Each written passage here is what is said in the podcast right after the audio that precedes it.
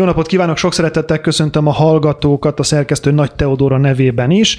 Um, szokás szerint a műsor elején arról szoktam számot adni, hogy mi közön van a napi témához. Ez talán a legegyszerűbb. A szakszervezetek világával, hiszen erről fogunk beszélgetni, viszonylag hosszú időn keresztül volt uh, módom közvetlenül megismerkedni, ott dolgozni is, és akit ma meghívtam, annak meg kifejezetten nagy, relatíve fiatal kor ellenére viszonylag nagy szakszervezeti múltja van, és hát majd kérdezem a jövőjéről is. A, az évtizedes ismerettség okán tegeződni fogunk Székely Tamással, aki a vegyipari szakszervezetnek az elnöke, és a Magyar Szakszervezeti Szövetség nevű konfederációnak az alelnöke. Köszönöm, hogy elfogadtad a meghívást. Én köszönöm a lehetőséget, és mindenkit köszöntök, aki ezt a műsort hallgatja.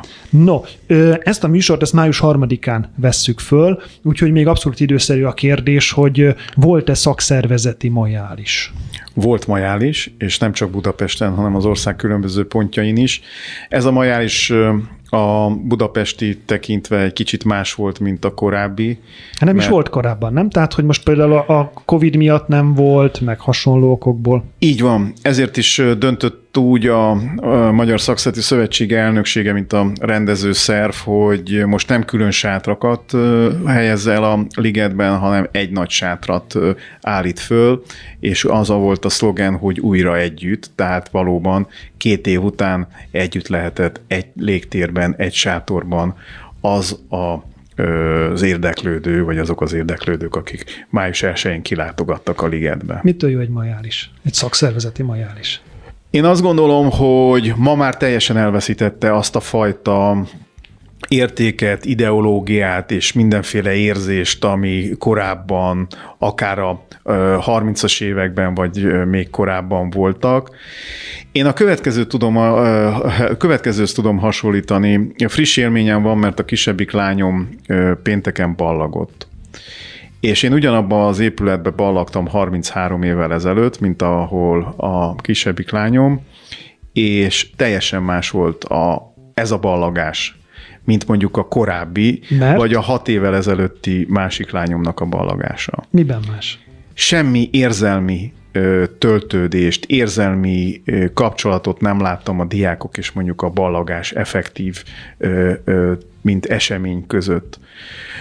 Vonaglottak egyik helységből a másikba, szervezetlenül mentek a, a termeken át, mindenkinek az arcán az volt, hogy jaj, csak már essünk túl rajta. Azok, akik a teremben voltak a alsóbb osztályokban, azoknak látszott, hogy hát kötelezően kirendelték őket, ott, hmm. ott álltak, és, és teljesen, teljesen érzelemmentes volt ez Vetítsük a... Le ezt a majálisra, hogy a, a majálissal mi történt? Ugyanez érződik egyébként, hogy mi korábban éppen régebbi, vagy idősebb kollégákkal beszélgettünk a vasárnap, és ők azt mondták, hogy ők azért szerettek, azért szerettek a ligetbe járni a nagy felvonulásokat követően, mert akkor oda le tudtak telepedni, mások mellé beszélgettek, söröztek, virsítettek. Ma már a majális a sátron kívül, legalábbis amit én ma érzékeltem, vagy hát ugye a május 1 hogy vursli. Uh-huh. Az 1600 forintos sajtos tejfölös lángostól kezdve ez 1500-2000 forintig bezárólagos különböző dodge és egyéb dolgok, és, és Takács Nikolász, meg Jolly és egyebek bömböltek a színpadon, teljesen elveszítette azt a fajta de Tamás, ezek ti, vagy, ezek ti vagytok, nem? Tehát a, a szakszervezet dönti el, hogy milyen majális csinál. Igen, én, én már régóta azt mondom, hogy ezt a, ezt a fajta ligetesdit be kellene fejezni. Nem sikerült, mint És ahogy sok milyen, mindent nem akkor sikerült. milyen lenne a jó majális? Te miért szeretnél? Én korábban, amikor a felvonulási tér még felvonulási tér volt, és nem építési felvonulási hely volt, akkor én azt képzeltem el, hogy a ligethez közel, de nem a ligetben a füvön kitaposva a különböző göröngyös fűcsomókat, ott lehetett volna egy olyan ö, utcai jelenlétet, szakszervezeti sátrakkal, nagy koncerttel kezdeni mondjuk a május 1 előtti estén és a május 1 estével bezárólagosan, ami, ami tényleg egy, egy, egy kötődést is jelenthet, hogy fú, én azért mentem el mondjuk XXY koncertjére, mert őt szeretem, de menet közben viszont találkoztam a munkahelyemhez köthető szakszervezettel, és ott esetleg még olyan információkhoz jutottam, amit korábban nem tudtam. Nem lehet, hogy a csalódottságod abból is adódik, hogy picit maga a szakszervezet világa van válságban? A szakszervezet vilá, ö, vá, ö, helyzete, ha globálisan nézzük, nincsen válságban. Na jó, de amit te tapasztalsz Magyarországon? Ott komoly problémák vannak. Ugye a a Magyar Szakszereti Szövetség elnöke a színpadon, a sátorban május 1-én azt mondta, hogy nézzünk tükörbe. Szerintem a tükörbe nézést azt nem most kellett volna, hanem sokkal korábban.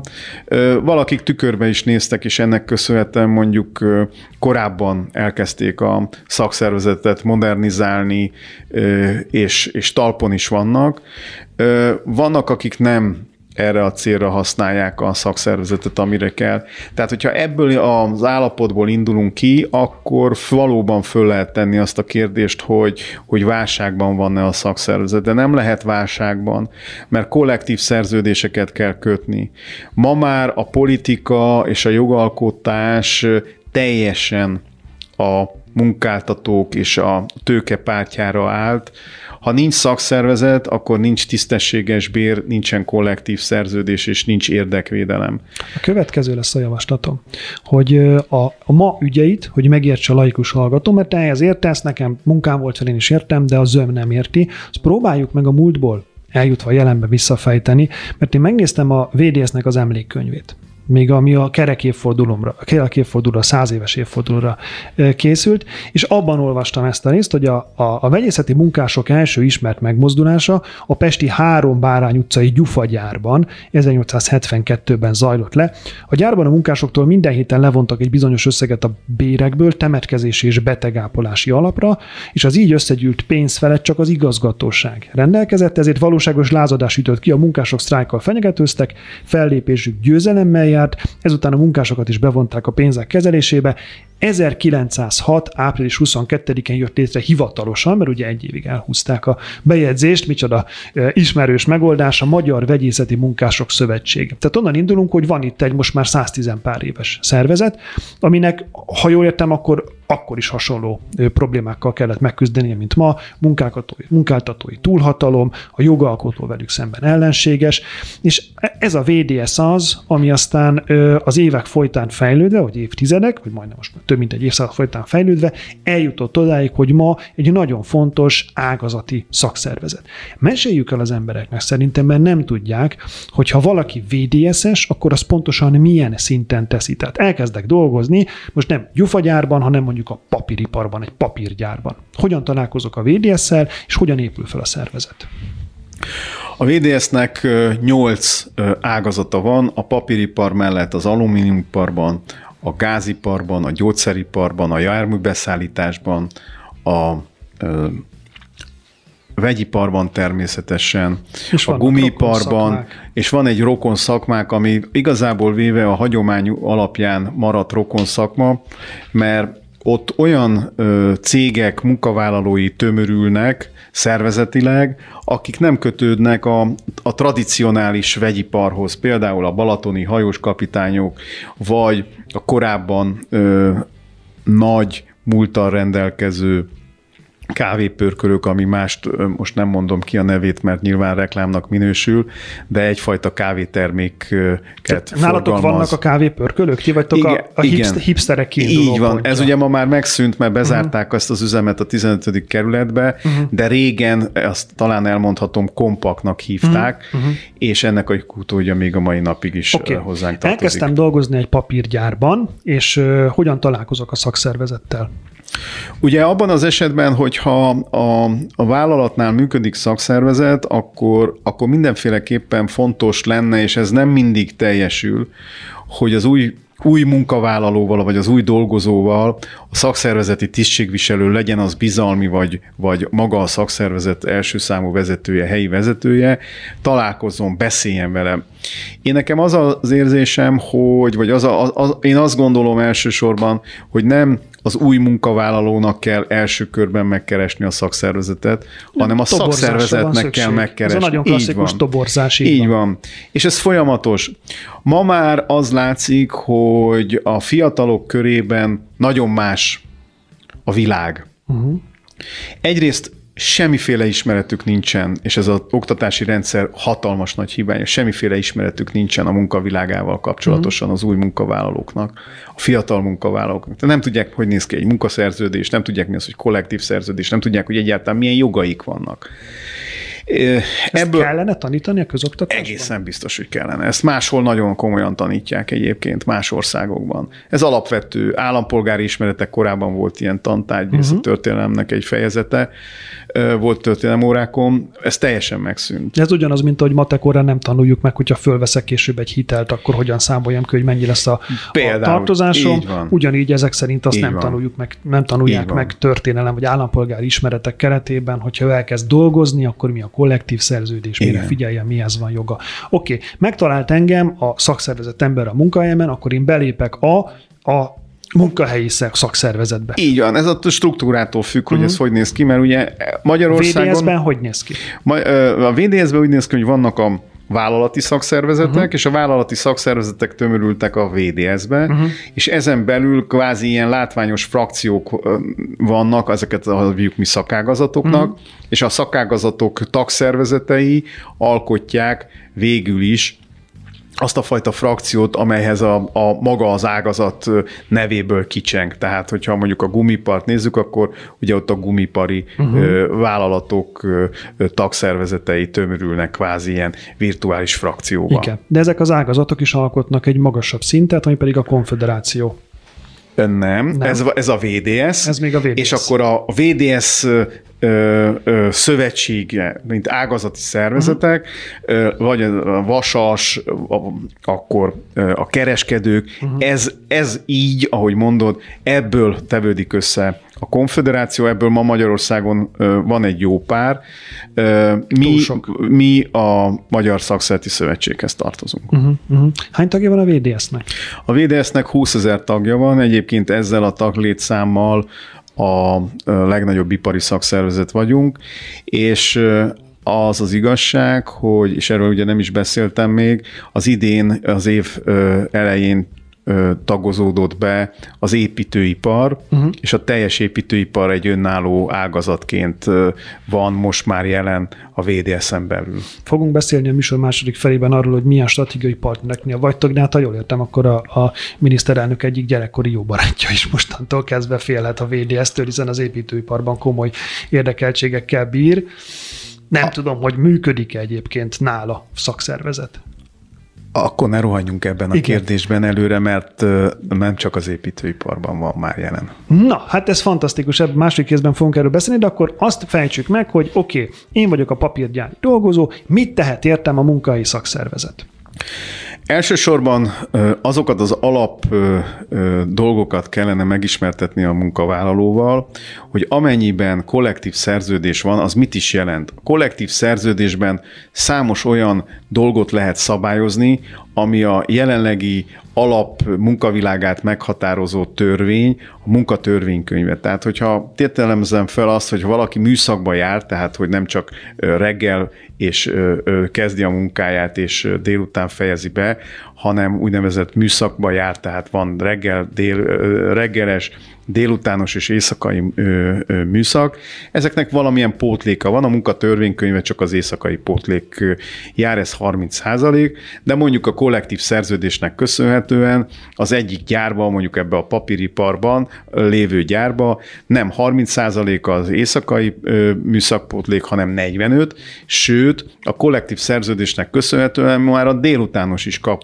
Hiszen az sem egy normális munkavégzés, aki délután kezdés és gondolom este Este tízkor, így így van. Hát és az ráadásul, abszolút nem frankó, igen. És ráadásul ugye a műszakban járóknál, hát ez, ez messze megy, nagyon komoly egészségkárosodás is uh-huh. tapasztalható a folyamatos munkavégzés során. Ugye a kollektív szerződést azt a, a munkahelyi szakszervezet az, ami ki küzdi elméletileg a munkáltatóval szemben, de ilyenkor szokott lenni az is, hogy te ott megjelensz, és akkor lázítod az embereket, meg hátsó lépcsőn osonsz föl, meg, meg a HR-esekkel kiabálsz, meg csapkodod az asztalt, mert te megteheted, hiszen te egy olyan szakszervezet szakszervezeti vezető vagy, akinek ez a dolga is egyúttal, plusz téged nem tud kirúgni a papírgyári főnök. Igen, ez az utóbbi időben egyre, egyre inkább elterjedt, hogy ezt a stratégiát választjuk. A, főleg a zöldmezős beruházások esetén létrejött szakszervezeti sejtjeinknél, ha uh-huh. lehet ezt mondani. Egyre nagyobb, és hogyha struktúráról beszélünk, egyre nagyobb igény van egy olyan struktúrára, amit korábban építettünk ki, hogy van egy nagy alapszervezet, és az alapszervezethez tartozik egy-egy gyár egysége, amely uh-huh. egy kis sejtet ö, alkot, hiszen a törvények szerint legalább 10 szakszervezeti tagnak kell lennie ahhoz, hogy egy szakszervezet létrejöjjön, Ebben a struktúrában viszont már egy szakszervezeti tag is tag le, lehet a VDS-nek. Uh-huh, uh-huh, uh-huh, értem. Ugye a, a, a VDS, mint magasabb szerveződési egység, azonban nem csak a munkahelyeken segít, hogy ott valami történjen, hanem nektek vannak üdülőitek, nektek vannak különböző tagoknak járó kedvezmények, jogi segítséget nyújtotok. Mire jó a VDS, tehát mire jó ez a magasabb szint? A VDS az egyben ö, egyrészt erőt tud adni, uh-huh. tehát hogyha mondjuk a, a gyógyszer, az egyik gyógyszergyárban ö, olyan konfliktus adódik, amely ö, ne adj Isten egy sztrájk helyzetet, vagy valamilyen demonstrációs helyzetet ö, teremt, akkor adott esetben a más ágazatokból is ö, támogatást, úgynevezett szolidaritást uh-huh. tudunk adni, vagy személyes lejelenlétel például, hogyha demonstrációról van szó, vagy olyan támogatással, ami igazából véve magasabbra emeli azt a fajta konfliktust, ami helyi szinten nehezebben kezelhető. Ez az egyik dolog, és ez, ez a legfontosabb, hogy mit ad a, a, a szakszervezet. Való igaz, hogy ma már az anyagias társadalomban az is megkérdé, azt is megkérdezi a potenciális szakszervezeti tag, vagy az érdeklődő, hogy na és mit kapok a pénzemért, hiszen tagdíjat kell fizetni. Igen. Mi számos szolgáltatást adunk pluszban a szakszervezet tagjainknak. Az elhangzott üdültetés mellett különböző üzlethelységekben ö, ö, kapnak olyan kedvezményes szolgáltatást, amivel éves szinten adott esetben 250-300 ezer forintot is meg lehet takarítani, ha életvitelszerűen használjuk ezeket a szolgáltatásokat. Uh-huh. Még magasabb szint a konfederáció. Az mire jó?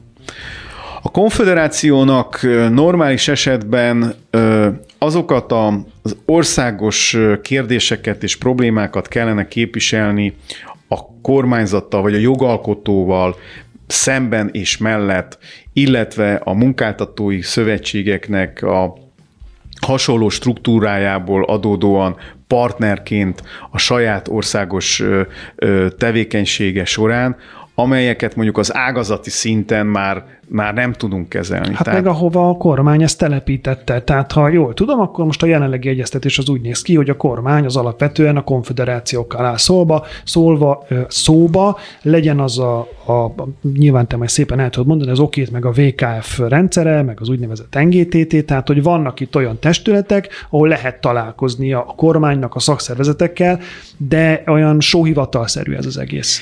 Ez nagyon jó megfogalmazás volt, hogy lehet találkozni. Mm. Tehát igazából véve valóban... Nincs befolyásotok a döntésekre.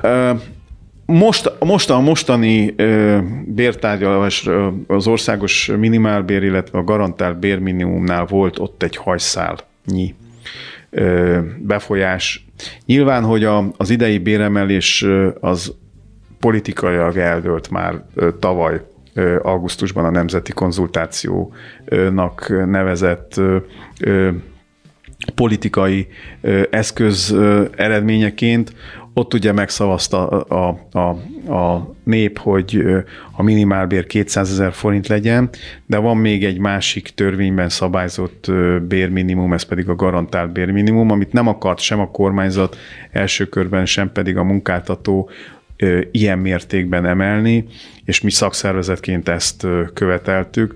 Végül is ez megtörtént. Uh-huh. De ez 260 ezer? Ez most 260 ezer forint, így hogy van. képzeljem el, hogy bementek egy terembe, ahol ott ülnek vicces módon civil szervezetek, egyházak, mindenki, akit a kormány annak tehát relevánsnak gondol, megjön az államtitkár, beszéltek pár szót, és amikor kimegy az ajtó, már kinn is van az MT-nél a közlemény arról, hogy hogyan döntött. Na ezt hívják NGTT-nek. Uh-huh. Ez egy teljesen más uh-huh. szint. Ez igazából véve a korábban országos érdekegyeztető tanácsnak a, a szerepét próbálja az európai szabályok igazolásaként felmutatni a kormányzat.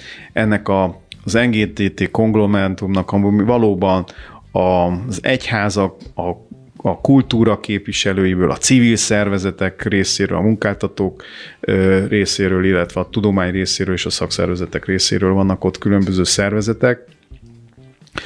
A kormányzat nem is tagja egyébként, csak állandó meghívottja uh-huh. ennek a... Ö, Tehát azt mondja, hogy beszélgessetek, és ő ezt meghallgatja. Nem ő koordinál, ő, ő egy irányba ö, ö, informál, és ezt követően próbálja azokkal a szervezeti képviselőkkel, akik jelen vannak, valljuk be őszintén, hogy azok a szakszervezetek és a munkáltatón kívül, meg talán a tudományon kívül igen irányítottak.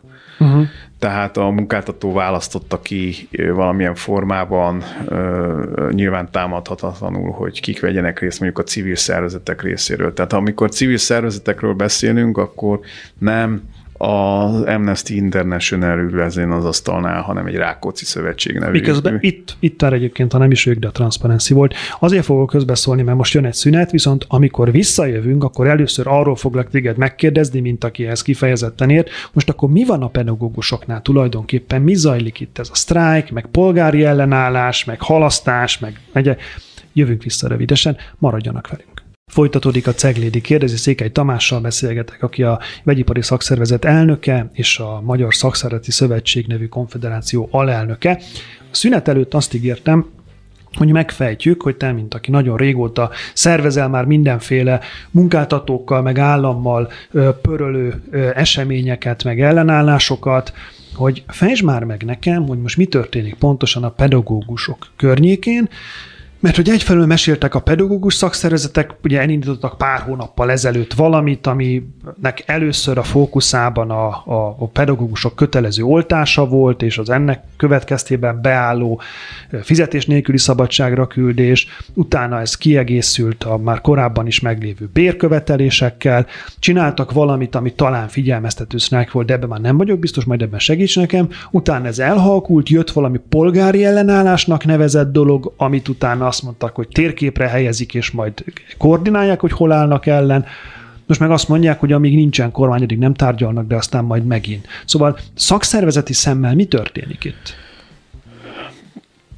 Védve és természetesen ö, értékelve a helyzetet, nagyon nehéz helyzetben vannak a, a pedagógusok. Ugye elindult ö, a pandémia még 2020-ban az a helyzet a pedagógusok részére, hogy pénteken, reggel, délután még azonnali iskola engedély volt, és semmit nem változik.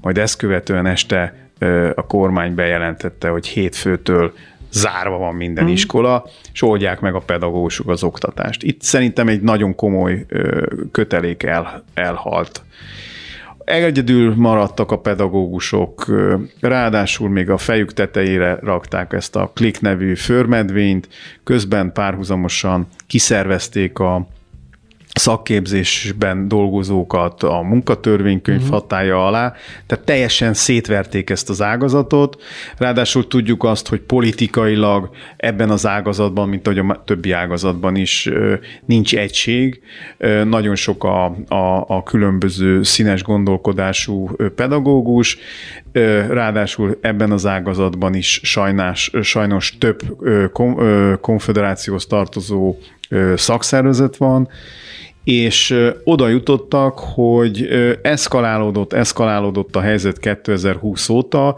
ráadásul ugye a béremelések tekintetében az utolsó sorban álltak, mint, alkalmaz, mint állami alkalmazottak is, és elpattant a húr. De tényleg elpattant? Mert ugye a külső szemlélő azt látja, hogy volt, mi volt az elején, amit láttunk? Tehát ők sztrájkoltak effektív a pedagógusok? Igen, az volt nagyon határozottan, én azt gondolom, hogy ott nagyon határozottan és egységesen, ez volt az első fontos dolog. Mennyi ideig tartott ez? Hogy volt ez? ez úgy volt, hogy ugye elindították a sztrájkot, de az állam a bírósághoz fordult, uh-huh. és a bíróság szokása szerint uh-huh. húzta az időt, és a meghirdetett uh, sztrájk ideje ig nem hozott döntést. De akkor tehát fizikailag volt sztrájk? Hát, volt. Tehát, és az volt, mi... figyelmeztető sztrájk volt hétfőn. Igen, na ez a kérdésem, hogy mi a sztrájk és a figyelmeztető sztrájk közötti különbség. A figyelmeztető sztrájk az... Az két óra. Az két óra. Tehát itt igazából megvalósult egy első lépés, úgy tetszik, van. ők egy figyelmeztető két Így órás van. sztrájkot tartottak. Így van. Minek kellett volna itt következnie? Itt belerúgott a, a, a, a bíróság azokba a jogokba, ami ö, egy normális államban pillanatok alatt dönt a bíróság arról, hogy lehet sztrájkolni, vagy nem sztrájk? Uh-huh. Lehet sztrájk. Mivel elhúzta a bíróság, de a, a, a pedagógusok megcsinálták a sztrájkot, ezért a ugyan határ, idő, határidőn kívül, de a bíróság azt mondta, hogy ez egy, ez, ez, ez nem jogszerű sztrájk volt. Mm, tehát a azért nem volt nem jogszerű volt a sztrájk idősz, azért nem volt jogszerű, mert nem töndött a bíróság, hogy lehet-e sztrájkolni, mm. vagy sem. Mm. De a pedagógusok, és szerintem ezt helyesen tették, annak ellenére, hogy volt-e ö, ö, jogerős bírósági döntésük, mert ugye az első fokon jogerős volt, uh-huh. ö, illetve nem volt jogerős, de az első, első fokon, fokon a pedagógusok mellett uh-huh. döntöttek, ahol döntött a bíróság, ennek tudatában ők elindították, de mivel, ne, mivel fellebbezett az állam, uh-huh. ezért nem jelenkedett jogerőre Igen. az első fok. Ezt most még a pedagógus szakszervezetek szervezték, ugye? Igen. Tehát viszont ami utána következett, az úgynevezett polgári engedetlenség, az már nem szakszervezeti ö, ö, De miért? Volt. Ez is nagyon fontos. Azért, mert közben a kormányzat rettentő aljas és ö, aljas és cinikus módon a pandémiára hivatkozva megtiltotta, hogy a pedagógusok sztrájkoljanak. Uh-huh.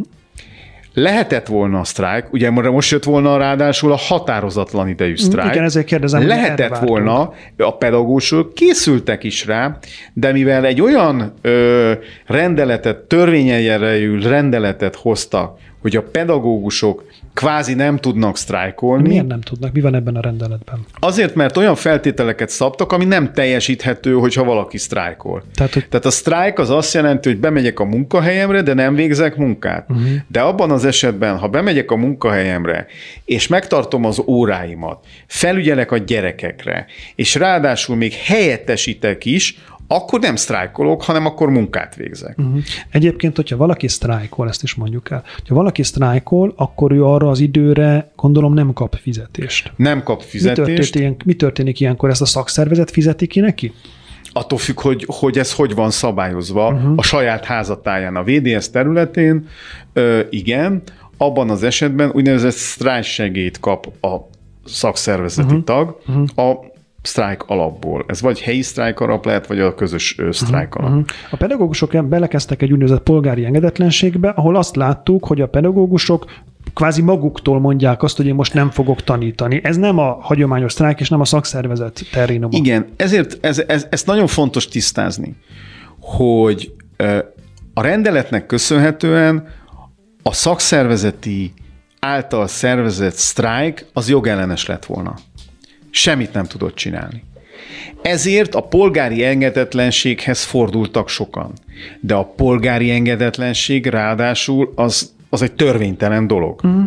Ezért a szakszervezet nem mondhatta azt, hogy támogatjuk a polgári engedetlenséget, mert akkor a szakszervezet egy olyan esemény mellé mögé állt volna, ami törvénytelen, uh-huh. tehát ezzel még magára hárított volna olyan ö, következményeket, amit szakszervezetként nem lehet fölvállalni. Biztos, hogy nem lehet? Igen. Ezt, ezt, tehát, tehát ez, ez, ez a következő. Ha mondjuk egy gépjármű oktató tanítja a vezetésre a gyereket, és megállnak a stop táblánál, nem is ezt mondom, piros lámpánál, piros a lámpa. Uh-huh. De olyan dugó van, hogy valamikor el kell indulni, mert különben a gyerek nem fog megtanulni a kreszt, mert állnak órákig, uh-huh akkor sem mondja azt az oktató, hogy menjen át a piros lámpán, amikor van még legalább három autó előtte, és biztos, hogy a dugó miatt sem jobbról, sem balról a kereszteződésbe nem megy sem egy sem két autó. Uh-huh. Nem lehet. Uh-huh. Uh-huh. Tehát a szakszervezetnek kell a legtörvényesebbnek lenni. Így van, mert a legjobban támadható. Uh-huh. Uh-huh. De nem, nincs ebben egy picit az, hogy ilyenkor magára hagyják a polgári engedetlenséget vállaló pedagógusokat? Mert jól értem, ilyenkor nem kapnak a sztrájk segélyből sem ezek a pedagógusok, meg... Ha ez a kérdés, akkor valószínűleg kaptak, vagy kaphattak. Uh-huh.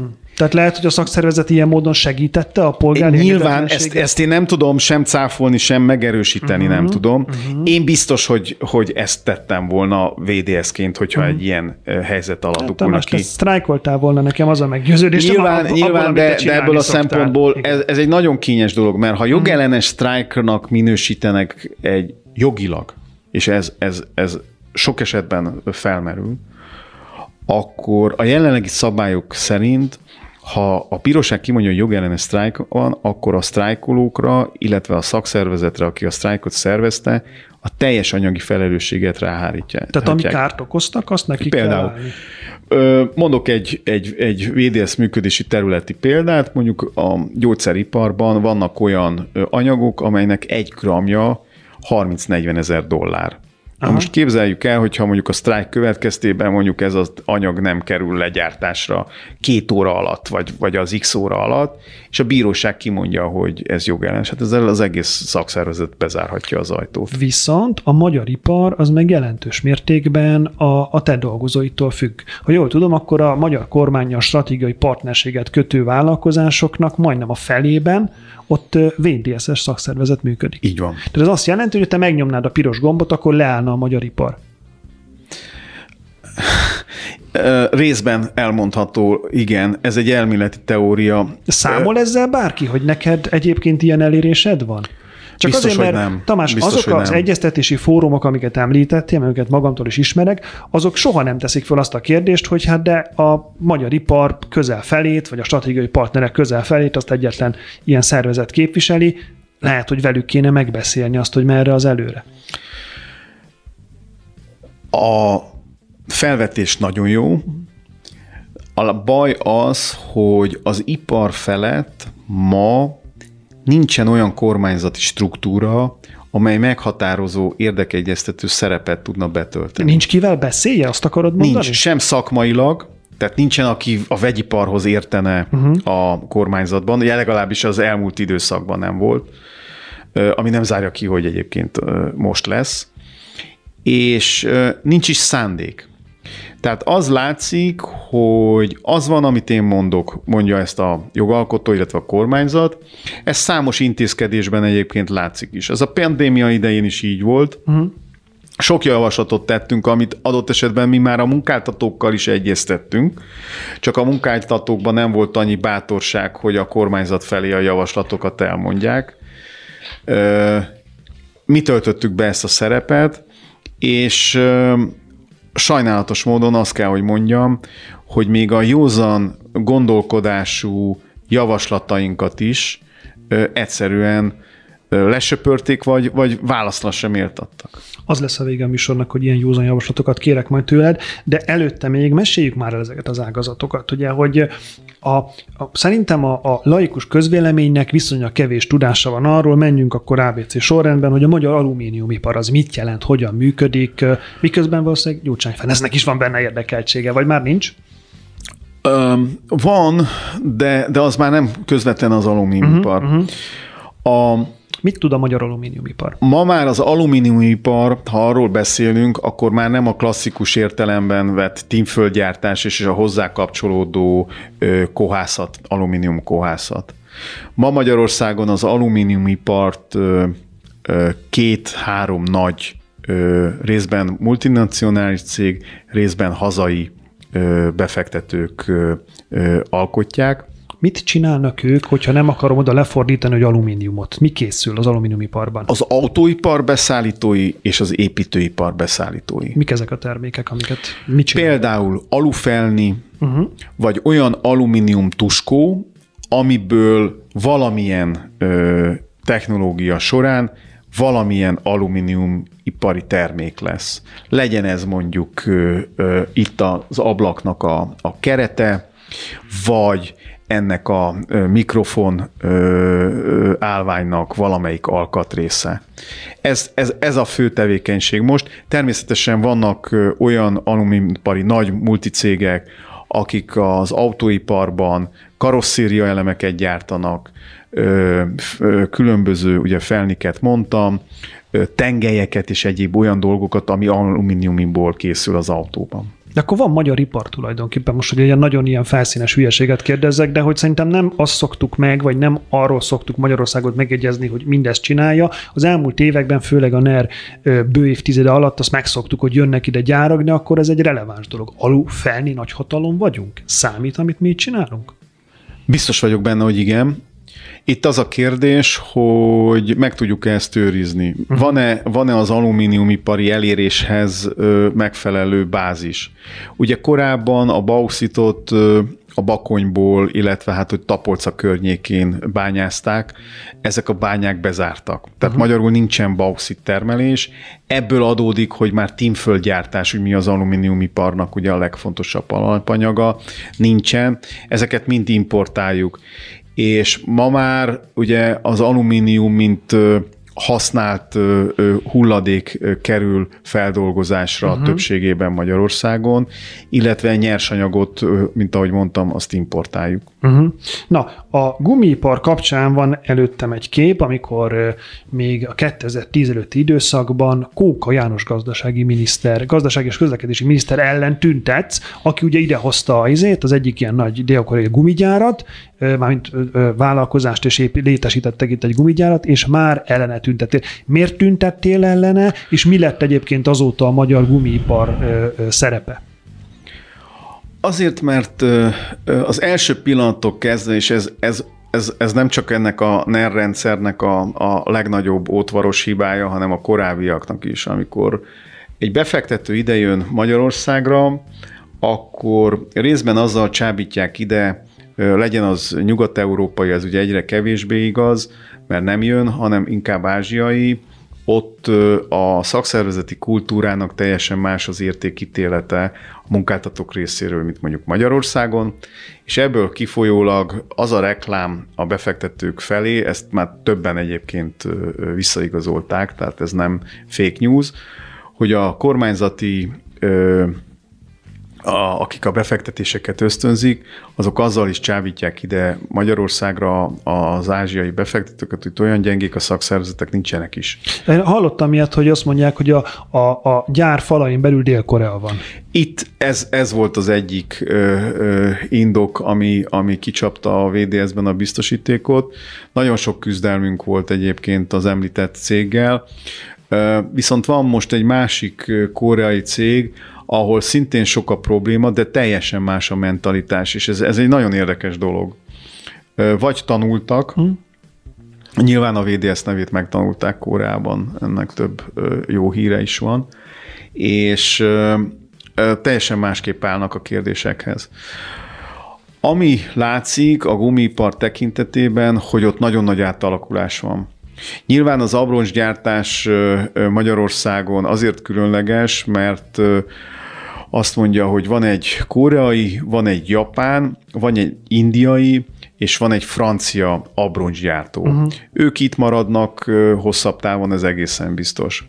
De vannak olyan gumipari cégek, akik különböző autó alkatrészeket gyártanak, például hújtőcsöveket és egyéb olyan apróságokat, amelyek az elektromos autó elterjedésével egyre kevésbé lesz a piacon, mert nem kell. Hm, miközben az elektromos autónak is van kereke, de a, a belső Így kialakítása van, pontosan. nem olyan, hogy ezeket igényel. Ha jól tudom a számokat, nagyjából egy átlagos autó olyan 5-6 ezer alkatrészből áll össze, egy benzinüzemű uh-huh. autó, míg egy elektromos 3200 alkatrészből. Uh-huh. Tehát itt azért nagyon sok alkatrész gyártása meg fog idővel szűnni, ahogy ugye csökken a, a, az ottomotorok gyártású autó. Tehát a gumipar átalakulóban van, ezt látjuk egyébként több feszültséges helyzetben, de vannak egyébként más területenre is gyártó gumipari cégek, amik reményeim szerint megmaradnak. Jó, hát az, ami nagyon evidens lenne, és nem értem, miért, nem, miért nincs tele vele a sajtó még most sem, az a gyógyszeripar. Ugye a magyar gyógyszeriparnak hagyománya van, tehát hogy a, a, a magyar gyógyszer, sőt a magyar gyógyszeripari vállalatok neve sem olyan, amit most találtunk volna ki az elmúlt években vagy évtizedekben, és, és egyébként egy ilyen pandémiás helyzetet követően pláne azt gondolná az ember, hogy ez egy nagyon fontos stratégiai ágazat kéne, hogy legyen a magyar gyógyszeripar. Nem látom, hogy akár a kutatásfejlesztés kapcsán, akár a nemzeti büszkeségünket hirdetve, akár mondjuk a, a effektíve a kormány politikáját az oktatástól kezdve az ipartámogatásig úgy hangolnák, hogy a magyar gyógyszeripar legyenek büszkék. Milyen helyzetben van most a magyar gyógyszeripar? Ez igaz, kívülről, de belülről nem. Az állam rengeteg, a, a gyógyszeriparban szinte majdnem mindenki egyébként stratégiai partner. Uh-huh. Ennek is köszönhetően rengeteg uh, uniós forrást kaptak ezek a cégek. Uh-huh. Nyilván, hogy ennek van egyfajta adok-kapok oka is, hiszen a gyógyszeripart az egészségügyi kasszán keresztül nagyon is fejik tehát ugye itt különböző állami támogatású gyógyszereknek a, a, a szabályai meghatározzák azt, hogy a maga a gyógyszergyártó cégek hogyan viselkedjenek. Ez az egyik dolog. A másik dolog, dolog hogy a gyógyszeriparban Magyarországon általában többségében multinacionális külföldi cégek vannak. Ez több okból van, hiszen nagyon sok olyan kutatásfejlesztés már nem tud egyébként egy magyar vállalkozás finanszírozni, ami, ami hihetetlen dollár, milliók, milliárdok. Inkább alapanyagot gyártanak kicsi magyar cégek, vagy valamilyen feldolgozó üzemük van, tablettát, vagy kenőcsöt, vagy valamilyen natur dolgot állítanak elő. Ami a nagy büszkeség, hát az Debrecenben az oltóanyag uh-huh. üzem lesz, bár az utóbbi időben senki nem hallott semmit, még a Debreceniek is, hogy egyáltalán ezzel mi van. Nyilván, hogy a, az orosz-ukrán helyzet ezt befolyásolja, nem baj, majd jön a kínai, de, de ebből a szempontból ez szomorú, mert azt tudni kell, hogy Magyarországon az oltóanyag gyártás 2000 vagy 1990 előtt is ö, ö, nagy múlttal uh-huh. rendelkezett. Ez Győrbe volt, vagy Gödöllön volt például a Humán ö, ö, cég, aki kifejezetten rengeteg ö, különböző oltóanyagot gyártott.